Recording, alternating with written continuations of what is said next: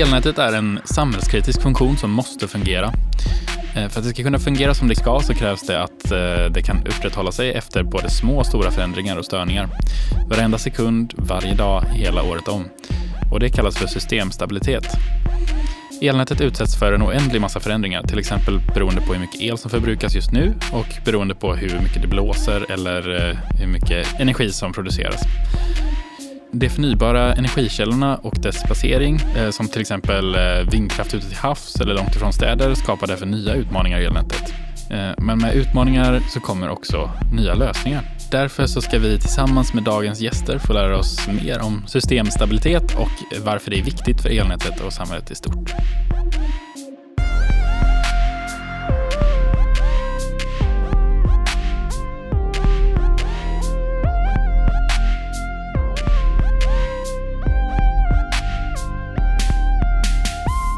Leila Manchey leder Hitachi Energy Power Consulting-verksamheten där man jobbar med kraftsystemanalys, elmarknadsanalys och även olika typer av hållbarhetsanalyser.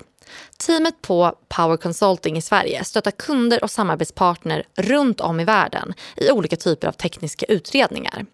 Leila har jobbat hos oss sedan 2013 och kom då direkt från Kungliga Tekniska Högskolan där hon har läst en master i elektrisk kraftsystem. Leila brinner för hållbarhetsfrågor och undersöka hur ny teknik kan bidra till en ljusare framtid. På fritiden hittar ni henne längs västkustens vandringsleder. Varmt välkommen hit Leila! Tack så mycket! Det är jättekul att vara med er här. Och vi är jätteglada att uh, ha med dig här i, idag. Och vi, skulle ju, vi har ju nämnt att vi ska prata lite om kraftsystemstabilitet. Men, och vi mm. nämnde lite vad det innebär. Men kan inte du berätta lite mer i detalj och gå ner på djupet? Vad innebär egentligen kraftsystemstabilitet? Ja, precis. Um, alltså Kristoffer, du berättade det väldigt fint i början och det stämmer vad du sa. Uh, men jag tänker att uh, gå ett steg tillbaka och börja med elnätet. Mm. Ehm, så ett elnät består av transmissions och distributionsnät ehm, och det fungerar för elöverföring mellan ehm, producenter till konsumenter. Mm. Och den här elöverföringen ska ske i ett säkert sätt hela tiden, som du sa. Så för att, för att ha ett fungerande elnät, eh, det ska finnas en balans hela tiden mellan produktion och förbrukning och transmissions och distributionsnät.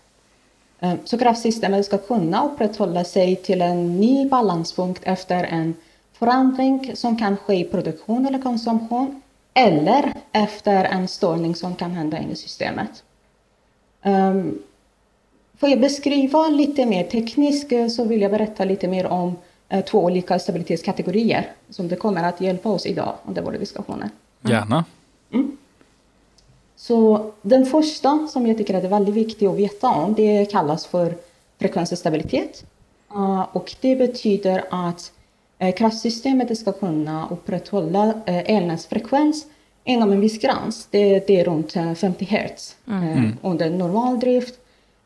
och det är såväl som efter en störning som händer i systemet och orsakar en obalans mellan produktion och konsumtion det kan vara till exempel en bortkoppling av en stor generator eller eh, en bortkoppling av en transmissionslinje som kan leda till eh, en minskning i förbrukning.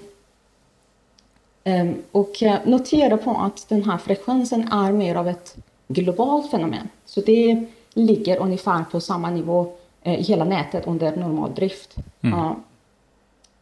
Eh, men den andra typen av stabilitet, som är mer av en lokal fenomen, det kallas för spänningsstabilitet. Mm. Eh, och eh, spänningsnivå är väldigt viktig just för elöverföring. Mm. Så en hög spänning kan orsaka skador i utrustning och komponenter. Men samtidigt en låg spänning kan orsaka höga förluster i systemet. Eh, så kraftsystemet ska kunna bibehålla spänningsnivåer också eh, i en viss gräns hela tiden. Um, eh, och en, en fenomen som kan bidra till spänningsstabilitet i lokala delar av nätet är reaktiv effekt. Så ha det också i åtanke under diskussionen. Um, sen har vi också en tredje kategori som kallas för rotorvinkelstabilitet. Mm. Um, vilket kort sagt handlar om synkronisering mellan generatorer som är inkopplade till ett gemensamt nät. Mm. Så det är väldigt, väldigt kort beskrivning av kraftsystemets stabilitet. Mm. Och hur, de, du, du, har pratat lite här om olika aspekter. Hur förhåller mm. de sig till varandra? Är det om den ena stabiliteten blir mer, in, eh, mer instabil, påverkar det de andra faktorerna eller hur hänger det ihop? Eller hänger det ihop? Alla tillsammans eh, ska kunna bidra till systemets stabilitet. Mm. Eh, och de hänger ihop.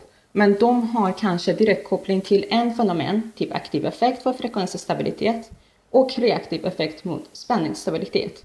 Eh, men eh, det hänger ihop allihop, yes. Mm. Mm. Och för, för de som lyssnar som kanske inte är, har läst el, ja, men ellära på, på universitetet eller gymnasiet, så fre frekvensstabilitet, där så handlar det alltså om hur snabbt eh, växelströmmen svänger, hur många gånger per sekund. Precis, så det, frekvens är i princip den elektriska rotationshastigheten mm. eh, mellan de roterande delarna av kraftsystem, alla generatorer. Just det. Mm. Och om vi går igenom, eh, eh, vad heter det, de, de andra också med spänningsstabilitet och eh, med, eh, med eh, roterande syn synkronicitet var det väl som var den, den sista. Um, hur ska man, kan man enkelt förklara det? Um, vi har ju varit inne på spänning tidigare i, i podden också med, med att uh, spänning kan liknas med till exempel trycket i en vattenledning. Uh, mm. Och strömmen är väl hur mycket uh, vatten då som, som åker igenom snarare. Så, så blir effekten spänningen gånger, gånger strömmen. Ehm, men ehm, då handlar det alltså om att man måste hålla det, trycket på exakt rätt nivå. För att är det för lågt tryck så, så får man massa förluster. Och ifall det är för högt tryck så, så kan röret spricka så att säga. Men vad bra, men då, då har vi fått en, en, en pedagogisk eh, överblick över de tre olika eh, sorternas elkvalitet till att börja med. Mm. Eh, och eh, jag tänkte fråga lite, för man hör ju väldigt mycket nu om, om elnätet eh, och om hur det kommer påverkas av eh, att vi kopplar in massa förnybar ehm, elgenerering. Mm. både i, eller då så är ju mycket av diskussionen att genereringen varierar ganska mycket över tid. Eh, men hur ser, det till, eller hur ser det ut då om man kopplar det här till elkvalitet och, och stabiliteten i, i nätet? Hur, hur, påverkas den av, av den förnybara elproduktionen? En av de utmaningar som pratas mycket om idag eh, är minskning av det som kallas för svängmassa. Mm. Mm. Eh, men vad betyder detta? Eh, så vi pratade lite tidigare om frekvensstabilitet eh, och i dagens läge så är elsystemets förmåga för att upprätthålla frekvensstabilitet mycket beroende på rotationsenergin. Ehm, man kan säga att rotationenergi har en viss tröghet och mm. bidrar till systemets tålighet mot frekvensförändringar. Och det tröghet kallas det för svängmassa. Ehm, och eftersom rotationsenergi kommer att minska i samband med att man stänger ner kärnkraft till exempel mm. och dessa ersätts av eh, förnybar elproduktion istället så minskar systemets svängmassa. Ehm, och eh, orsaken är att förnybar elproduktion oftast inte använder synkrongeneratorer som kopplas direkt till elnätet. Så det kan vara en stor utmaning. Okej, okay. och, och vad, vad, får det för, för följder tror du? Um, ja, det som eh, händer eh, är att man ska börja fundera på att vad man har för planer för att kunna förstärka nätet så sätt. Mm. Eh, så att just precis idag, Svenska kraftnät håller på att titta på eller utveckla nya krav på stabilitet som, som alla leverantörer ska följa upp med mm. deras kraftverk. Och de ska inte skapa problem när de kopplas till nätet. Men Eh, samtidigt för att kunna säkerställa systemets stabilitet, eh, behovet för stödtjänster kommer att ökas. Mm. Och eh, vattenkraft är den som har största leverans av stödtjänster. Mm. Och anledningen är att man kan styra produktionsnivå på vattenkraftverk. Mm. Så om man behöver att minska eller öka det beroende på behovet av systemet. Eh, men med tanke på att eh, mängden av förnybar kommer att ökas, mm. så det är väldigt viktigt att de kan också vara med och bidra med stödtjänster. Mm. Eh, men skillnaden är att man kan inte styra produktionsnivåer på förnybars elproduktion. Mm. Och i samband med detta, Svenska kraftnät faktiskt i början av året annonserade att de ska genomföra en pilotstudie eh, om stödtjänstleverans med hjälp av variabel elproduktion mm. eh, som sol och vindkraft eller variabel för, för, förbrukning. Mm. Och det här kommer att vara ett stort steg tycker jag. Mm. Så eh, då, då, är det helt enkelt att när vi går mot mer förnybar elproduktion då finns det ett större behov av att addera komponenter i elnätet helt enkelt för att säkerställa den här stabiliteten som behövs. Precis. Så annars vi kommer att um, sakna tillräckligt med resurser. Uh, så de där leverantörer, även förbrukningar, de ska kunna bidra till det som kallas för stödtjänster. Alltså i princip bidra till spänningsreglering eller frekvensreglering uh, beroende på uh, behovet av nätet. Men samtidigt Svenska kraftnät ska se till att de uppfyller krav. Mm. Och Svenska kraftnät köper de där tjänsterna mm. uh, från leverantörer. Det är väldigt intressant med eh, komplext problem. Det låter som att eh, det kommer krävas väldigt mycket samordning och eh, egentligen prognoser och liknande för att, för att kunna möta upp förändringarna. Men jag skulle också koppla tillbaka lite Leila till vad ni på Power Consulting gör. För nu har vi pratat om att eh, det här är en viktig del av eh, elnätet och kanske kommer bli än mer viktigt att säkerställa den här eh, kraftsystemstabiliteten framåt. Men kan inte du berätta lite om hur ser det ut för er på Power Consulting och med era uppdrag ni gör? Finns det en ökad efterfrågning ute på marknaden eller hur, hur ser det ut för er? Alltså det som är kul med vårt jobb på Power Consulting är att uh, vi är involverade i alla de där frågorna. Eh, från väldigt tidiga diskussioner med kunder eh, om vad de ser för problem i deras nät idag eller de där framtida scenarier. Och sen vi kan göra analyser och bevisa att vad finns det för lösningar eller var någonstans kommer problemet. Vad kan vi, hur kan vi hantera det i framtiden? Mm. Så konkret så är ni med kunderna då i ett ganska tidigt stadie av deras te teknikutveckling då helt enkelt? Precis, från väldigt tidiga diskussioner om uh, vad är det för problem uh, till uh, slutsats om vi kommer med olika uh, lösningar. Mm. Så ni är med och helt enkelt håller kundens hand i deras olika typer av ja, men problemställningar som olika typer av kunder står inför nu. Framför allt med mer och mer förnybar energiproduktion i elmixen och andra lokala ifrågasättningar. Ja, och nu när vi ändå är inne och pratat lite om olika typer av lösningar framåt så tycker jag att vi mm. ska ringa upp Lennart Söder och diskutera ännu mer lite om vad han ser för framtidsspaningar. Det tycker jag. Lennart Söder är professor i elektriska energisystem vid Kungliga Tekniska högskolan. Han har över 300 publikationer i ämnet systemstabilitet, smarta elnät, elpriser, överföringsmöjligheter och om hur vind och solenergi påverkar nätet, för att nämna några av ämnena som han har skrivit om. Lennart brinner för att sprida vidare kunskapen om hur elsystemet påverkar samhället i stort och på fritiden har han nu tagit sig an utmaningen att lära sig spela saxofon. Varmt välkommen Lennart! Tackar, tackar! Kul att ha dig här. Eh, och vi har ju också med oss Leila här parallellt eh, från eh, vår Power Consulting-del på Hitachi Energy. Eh, så, så att du är vanad, hon kanske hoppar in och ställer några svåra frågor till dig också. Vi tänkte börja med att ställa en fråga till dig Lennart som är eh, vilka scenarion som du ser eh, kan påverka systemstabiliteten i svenska elnätet?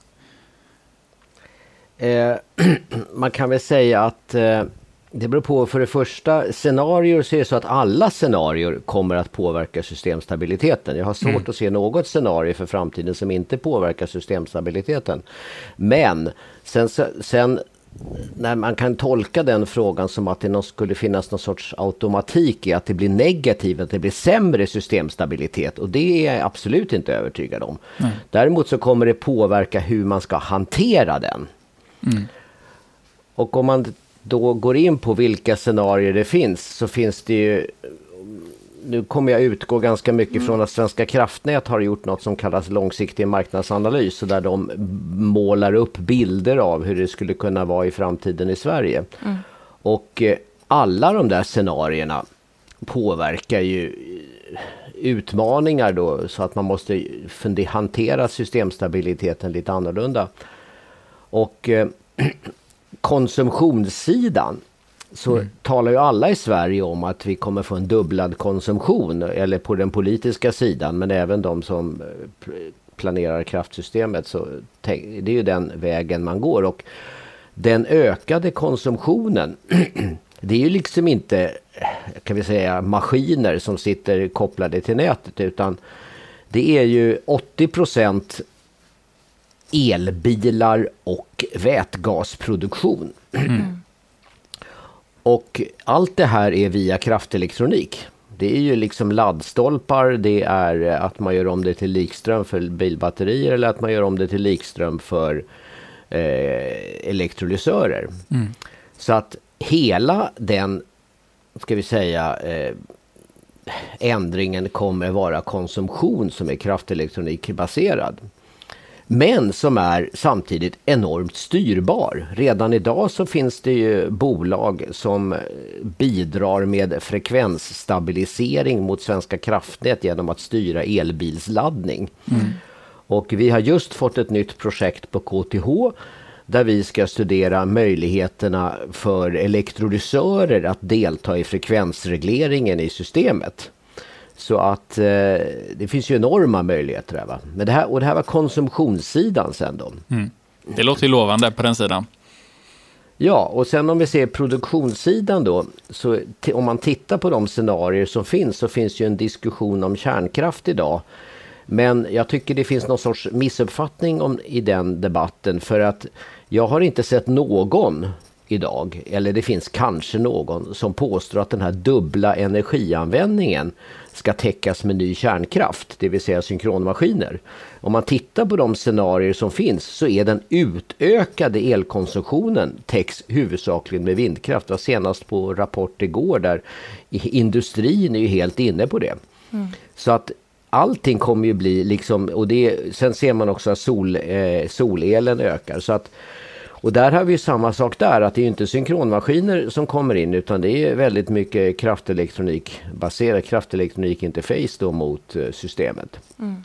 Så att eh, hela produktionssidan går mot mera eh, icke-synkronmaskiner och sen, sen är det dessutom så att på den traditionella industrin, jag vet inte hur mycket det finns kvar av direktkörda pumpar och fläktar och, och asynkronmaskiner kopplade till nätet utan det blir ju mer och mer ska vi säga, kraftelektronik i alla led mellan systemet. Vilket är en otrolig effektiviseringspotential på väldigt många olika sätt. Men samtidigt så gör det att allting blir styrbart. Men mm. då uppstår ju förstås, hur 17 då? ska vi styra allt det här? Hur ska vi samordna all den här styrningen? Vad händer om IT-systemen brakar ihop? Ska vi ha allting på lokala styrsignaler eller vad ska vi göra? Så att det finns gott om trevliga utmaningar för oss på högskolorna och för er i industrin. Det är en intressant bild som du målar upp där. Jag hoppas att de går över till till eh, eh, vad heter det? Eh, frekvensomriktare på, på motorerna. Men senast som, som jag var ute i industrin så såg det ut som att det var ganska mycket direkt kopplat fortfarande. Men det, ja, men det, låter, det låter ju lovande. ja. Okej. Okay. Mm. Men du är inne lite på det här när du, när du berättar här Lennart, att just eh, vi, vi, ser mer och mer sammankopplingar. Och jag tänker inte bara i Sverige utan jag tänker även att vårt elnät är ju mer och mer också sammankopplat med närliggande länder. Och då tänker jag lite, hur, hur reflekterar du då kring att göra men, kanske lokala investeringar och, och förändringar i Sverige när nätet blir allt mer internationellt och att vårt energisystem påverkas av våra grannländer och också väldigt starkt av EU. Vad, vad tänker du kring det? Ja, man kan säga? Till en början med så är det väl ingen det blir inte sådär, alltså nu ligger vi på en handelskapacitet på 10 gigawatt ungefär med omvärlden. Den kommer ungefär ligga på, alltså de scenarier som finns på kanske 12 gigawatt. Så det är inte så att vi kommer bli väldigt starkare kopplade till omvärlden. Däremot är det ju så att omvärldens energisystem kommer ju också vara mera volatilt. Man kan ju mm. till exempel se här i, i höstas så har ju elpriserna i Sydnorge har ju varit lika höga som i Sydsverige beroende på deras kraftiga ökning av HVDC-förbindelser till Storbritannien, eh, Tyskland och Nederländerna. Mm. Så att även det är liksom så att omvärlden blir också påverkad av prisbildningar. Och om man nu ser den tyvärr senaste utvecklingen att eh, Ryssland in, invaderar Ukraina. Och denna påverkan på en annan tillgänglighet på gas kommer ju göra att vi kommer kunna få både osäkra elpriser på grund av den politiska nivån men också att detta förmodligen kommer leda fram till en snabbare utveckling av av förnybart i Europa, mm. vilket och i sin tur kommer göra att vi får, kommer få mera volatila priser utomlands. Mm. Och volatila priser är inte bara, kan vi säga, vad som kommer hända också om man tittar på det. Det är både utlandet men internt i Sverige. Det är det att ett, ett, ska vi säga, ett konventionellt elsystem till exempel kolkraft, gaskraft, kärnkraft och lite vattenkraft. Då, då vet man liksom att är det den här konsumtionsnivån så kommer vi köra de här kraftverken. Och då vet man vilka moder man får när det gäller stabilitet. Man vet var de olika svängmassorna och primärregleringen kommer finnas. I framtiden så kommer allting bli oerhört mycket mera annorlunda. Jag har en allmän känsla av att Hittills, om man tittar i Sverige, så såg ju elsystemet ungefär likadant ut från 1990 till 2010 eller någonting sånt där, eller 2015 möjligen. Då är erfarenhet en väldigt viktig grej. Att för, alltså, om det då kan bli lite kallt eller, det, det, eller var det torrår eller våtår eller vad det är för någonting. Då kan man säga att ja men du vet att det där är, han, han som sitter där borta han var med om det här. Det är likadant som för fem år sedan, 3 februari eller något sånt där när kärnkraften var nere. Idag så kommer tror jag, i framtiden så kommer beräkningsverktyg och uppskattningar, det vill säga hur 17 ska vi göra nu då? Mm.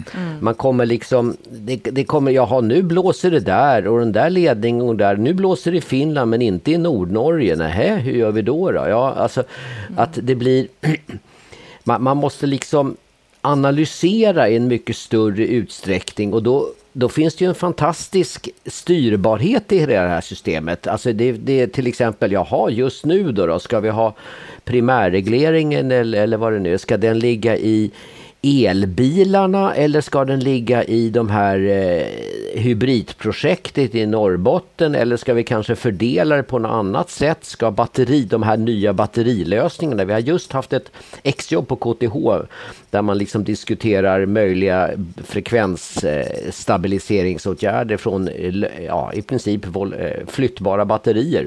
Mm. Ska de bidra just nu eller hur ska vi göra? Vilka resurser finns det nu? Jag har personligen blivit erbjuden att mina solceller på taket ska kunna e delta i FCRD, det vill säga att om man plötsligt tappar export till till Storbritannien på 1400 megawatt så måste man dra ner produktion. Om detta då händer mitt i sommaren så kan mina solceller stänga av. Fantastisk lösning men alla de här olika lösningarna som kommer vara olika vid olika tillfällen. Mm. Hur ska man se till att få hela det här att fungera? Det finns fantastiska lösningar, jag är helt övertygad om att det går att lösa. Väldigt billigt dessutom. Men, men hur sjutton ska man få ihop det? Det är utmaningen. Mm. Om, jag får ställa en fråga till dig Lennart. Nu tänker jag lite på Texas och Kalifornien. Eh, med det som du beskriver. Kommer vi bli en ny version av dem och kan vi applicera deras nuvarande lösningar eller har de lösningar på plats? Ja, alltså just Texas har jag varit ganska mycket i kontakt med eftersom jag har en tidigare doktorand som har jobbat på ERCOT där. Så att, eh, och eh, till exempel det här FFR som vi har infört i Sverige, den här snabba, snabba frekvensregleringen då, då. Den har man ju tillämpat där ganska mycket då. Där man alltså vid stora bortfall så har man snabbt kopplat bort konsumtion. Så ser det ut i Norden också nu, det här nya systemet på Fast Frequency Reserve som vi har i Norden. Eh, där är ju också huvudsakligen, det är absolut inte kraftverk som deltar i den här, så den snabba regleringen, där är det ju till exempel man kan ju koppla bort pumpkraftverk i Norge som håller på att pumpa för att den här typen av problem med låg svängmassa där man behöver den här FFR då, den gäller ju framför allt vid situationer med hög vindkraft, i praktiken vid låga priser och vid låga priser så pumpar man uppåt. Mm. Det vill säga att, att eh, den, det finns liksom en korrelation här och det är samma sak att vid, vid eh, låg svängmassa, det är också då som sådana här som vätgaslager kommer laddas upp.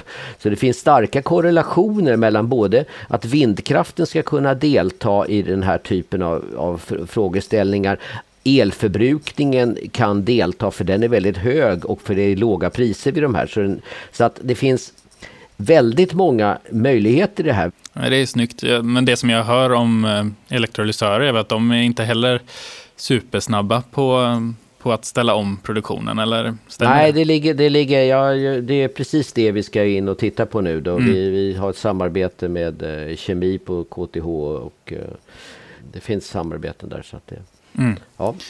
Nej, men det, det är intressant, det kanske blir hybridlösningar då med, med andra tekniker också. Ja, det beror ju på vilka PEM, ja, vad jag har förstått så är väl PEM-cellerna är väl snabbare än de här alkaliska cellerna. Men det, vi, vi får se. Det, det, ska, det ska bli intressant att se. Alltså. Mm. Det, men det är rätt, det, jag känner också där att det, det, är lite mer, i varje fall en del av de där är mer, de alkaliska är väl mer på minutbasis medan PEM-cellerna kan vi reagera på sekundbasis. Men om det är väldig skillnad om det är fem sekunder eller om det är en halv sekund. Men... Ja, den som lever får se vad som händer där. Ja. Tack så jättemycket Lennart eh, för, eh, för att du var med här. Alltså, jättebra djup kunskap som, som vi fick in. Ehm, vi får, vi får ta, ta in dig mer i podden framöver ifall du vill. Ja, ja visst, det är inte kul. Ja, alltså jättekul att ha med Lennart i dagens avsnitt och det är fantastiskt spännande att höra alla olika typer av eh, frågor som dyker upp när vi går mot ett mer och mer elektrifierat samhälle. Vad, vad har du för reflektioner över det Lennart delade med sig idag, Leila? Alltså, man lär sig alltid från Lennart, uh, men det, det verkligen stämmer att uh, vi är inte ensamma i det här framtida scenariot som han säger. Mm. Um, och alla våra grannländer och EU uh, tittar på samma utmaningar och hur kan man komma med nya lösningar på den framtida elnät. så det Eh, på något sätt positivt. Men det mm. positiva mm. som han också eh, nämnde tycker jag att det, det är att tekniken finns och potentiella mm. lösningar finns. Men med tanke på de där snabba förändringar som sker i systemet så den största utmaningen tycker jag att det alltid ska komma i rätt tid. Mm. Och det rätt beslut ska fattas. Exakt, så man behöver ha en, eh, en smart hjärna bakom allt. Kanske inte Precis. en människohjärna då, i många fall. Eh, är det några speciella tekniska lösningar som, eh, som du skulle vilja lyfta annars då, i, när det kommer till att... Mm. Alltså, som Lennart nämnde några av dem också, det finns massor med nya lösningar som utvecklas varje dag i princip. Mm. Men till exempel även de där studier som görs för nya tekniker med Eh, stödtjänster från förnybart. Det, vi får se vart det hamnar. Eh, men samtidigt, eh, vi pratar lite om kraftelektronik hos förnybar. Mm. Det kommer att spela en jättestor roll. Kraftelektronik kan bidra till snabb reglering av spänning till exempel och elkvalitet. Mm. Och ett exempel på en väldigt avancerad kraftelektronik kallas det för STATCA. Mm. Eh, det står för Static eh, Synchronous eh, Compensator. Och det kommer att vara mer och mer, alltså styrbara reaktiva komponenter kommer vi se mer, tycker jag, i södra Sverige. Mm. Okay. I samband med att vi kommer att stänga ner kärnkraft. Så vi kommer att behöva mer styrning av spänningsreglering för elöverföring. Mm. En annan teknik som kan förstärka själva transmissionsnätet det är HVDC-länkar. Mm. Och eh, HVDC står för High Voltage Direct Current. Eh, en HVDC-länk kan garantera elöverföring över långa sträckor. Tänk på att eh, vi har den största eh, elgenerationen i norra Sverige eh, och i dagens läge har vi väldigt mycket konsumtion i södra Sverige. Eh, Så transmissionsnätet behöver att förstärkas eh, för att kunna överföra el över de långa sträck. Precis, och det blir väl samma då, men när man kopplar ihop eh, olika länder eller regioner också då med, med Precis. HVDC. Mm, Precis, och det är mycket effektivt till att minska förluster eh, och eh, bidra till eh, snabbreglering av både spänning och frekvens. Mm. Samtidigt, eh, dagens utveckling av energilagrar eller systemflexibilitet, de kommer att skapa massor med möjligheter tycker jag. Så det är framtiden är ljus tycker jag. Ja, men det Eh. låter bra. Det är vad vi vill höra. Ja men verkligen. Och jag, jag tycker det är spännande att höra just eh, ändå hur optimistisk både du och Lennart är när det kommer just till te- tekniken. Eh, och jag tyckte vi ändå varit inne på det några gånger under dagens samtal. Just det här att tekniken finns på plats men sen hur ska vi styra det? Just det här att traditionellt sett har man kunnat fråga en granne vid kontrollbordet att, eh, hur gjorde du det här för fem år sedan när vi hade liknande vädersituation? Men just det här hur gör vi den smarta lösningen framåt? Det, det tror jag kommer bli superspännande att eh, höra mer om också. Eller vad säger du Leila? Mm, alltså man ska hela tiden, som du säger, tänka out of the box. Mm. Ehm, så mm, i alla sammanhang just idag tycker jag. Ehm, så det stämmer. Och eh, apropå out of the box så har ju vi eh, som en avslutande fråga ställer vi samma eh, en och samma fråga till alla gäster. Eh, så det vore jättespännande att få din input på det här Leila. Vad skulle du säga är den vikta, viktigaste faktorn för att vi ska kunna ställa om till ett fossilfritt energisystem? Ehm, alltså jag tycker att en gemensam vilja för att kunna ställa om till den här eh, fossilfria energisystemet är väldigt viktig. Eh, och eh, det har vi redan. Det har vi som eh, startpunkt tycker jag. Men det som är ännu viktigare är en gemensam förståelse av de utmaningar som energisystemet ska bemötas.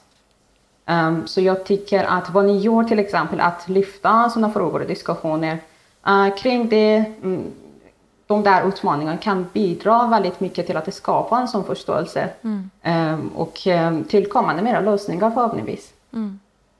Precis. Och just eh, det här att informationsspridningen, samtalet, det är det vi försöker göra i eh, kraftsamtal, eller hur Kristoffer? Jajamän. Eh, så stort tack till dig som var med idag Leila och eh, stort tack också till Lennart och eh, jättekul att ha dig här. Tack själva, tack för att jag fick vara med. Tack så jättemycket. Återigen två fantastiskt härliga gäster som vi har haft med i podden. Eller vad säger du Kristoffer? Ja, absolut. Man har lärt sig jättemycket från Ja. båda. Så det känns ju bra. Eh, Var det något speciellt som du reflekterade på över eller tog med dig? Ja, men, eh, vi var inne lite på det flertal gånger, just det här att eh, det finns eh, mycket kunskap och lösningar tillgängligt på marknaden som faktiskt kan stötta upp eh, just stabiliteten i elnätet. Och det tycker jag ändå är väldigt intressant att höra. Och vad, vad, vad tänker du, Kristoffer? Vad tar du med dig? Jag tyckte om det som han gick in på där och när han började kolla på till exempel på konsumentsidan och hur mycket kraftelektronik och ak- aktiva komponenter det faktiskt finns. Att det finns ju möjlighet att, att styra och balansera upp eh, elnätet eh, så länge man ser till att eh, samordna såklart. Eh, och det är ju en stor fråga som, som vi uppenbarligen behöver tänka till lite på. Men, men det känns ju väldigt lovande.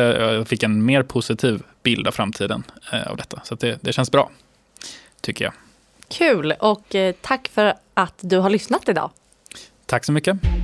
I nästa avsnitt är det dags att djupdyka i tekniken igen. Den här gången ska vi få lära oss mer om reläskydd. Produkten som beskrivs som elnätets väktare och som säkerställer både människor och tillgångars säkerhet. Gästar oss gör Dilip Kota Elving på Hitachi Energy och Marcus Bolin från Mälardalens universitet. Missa inte det!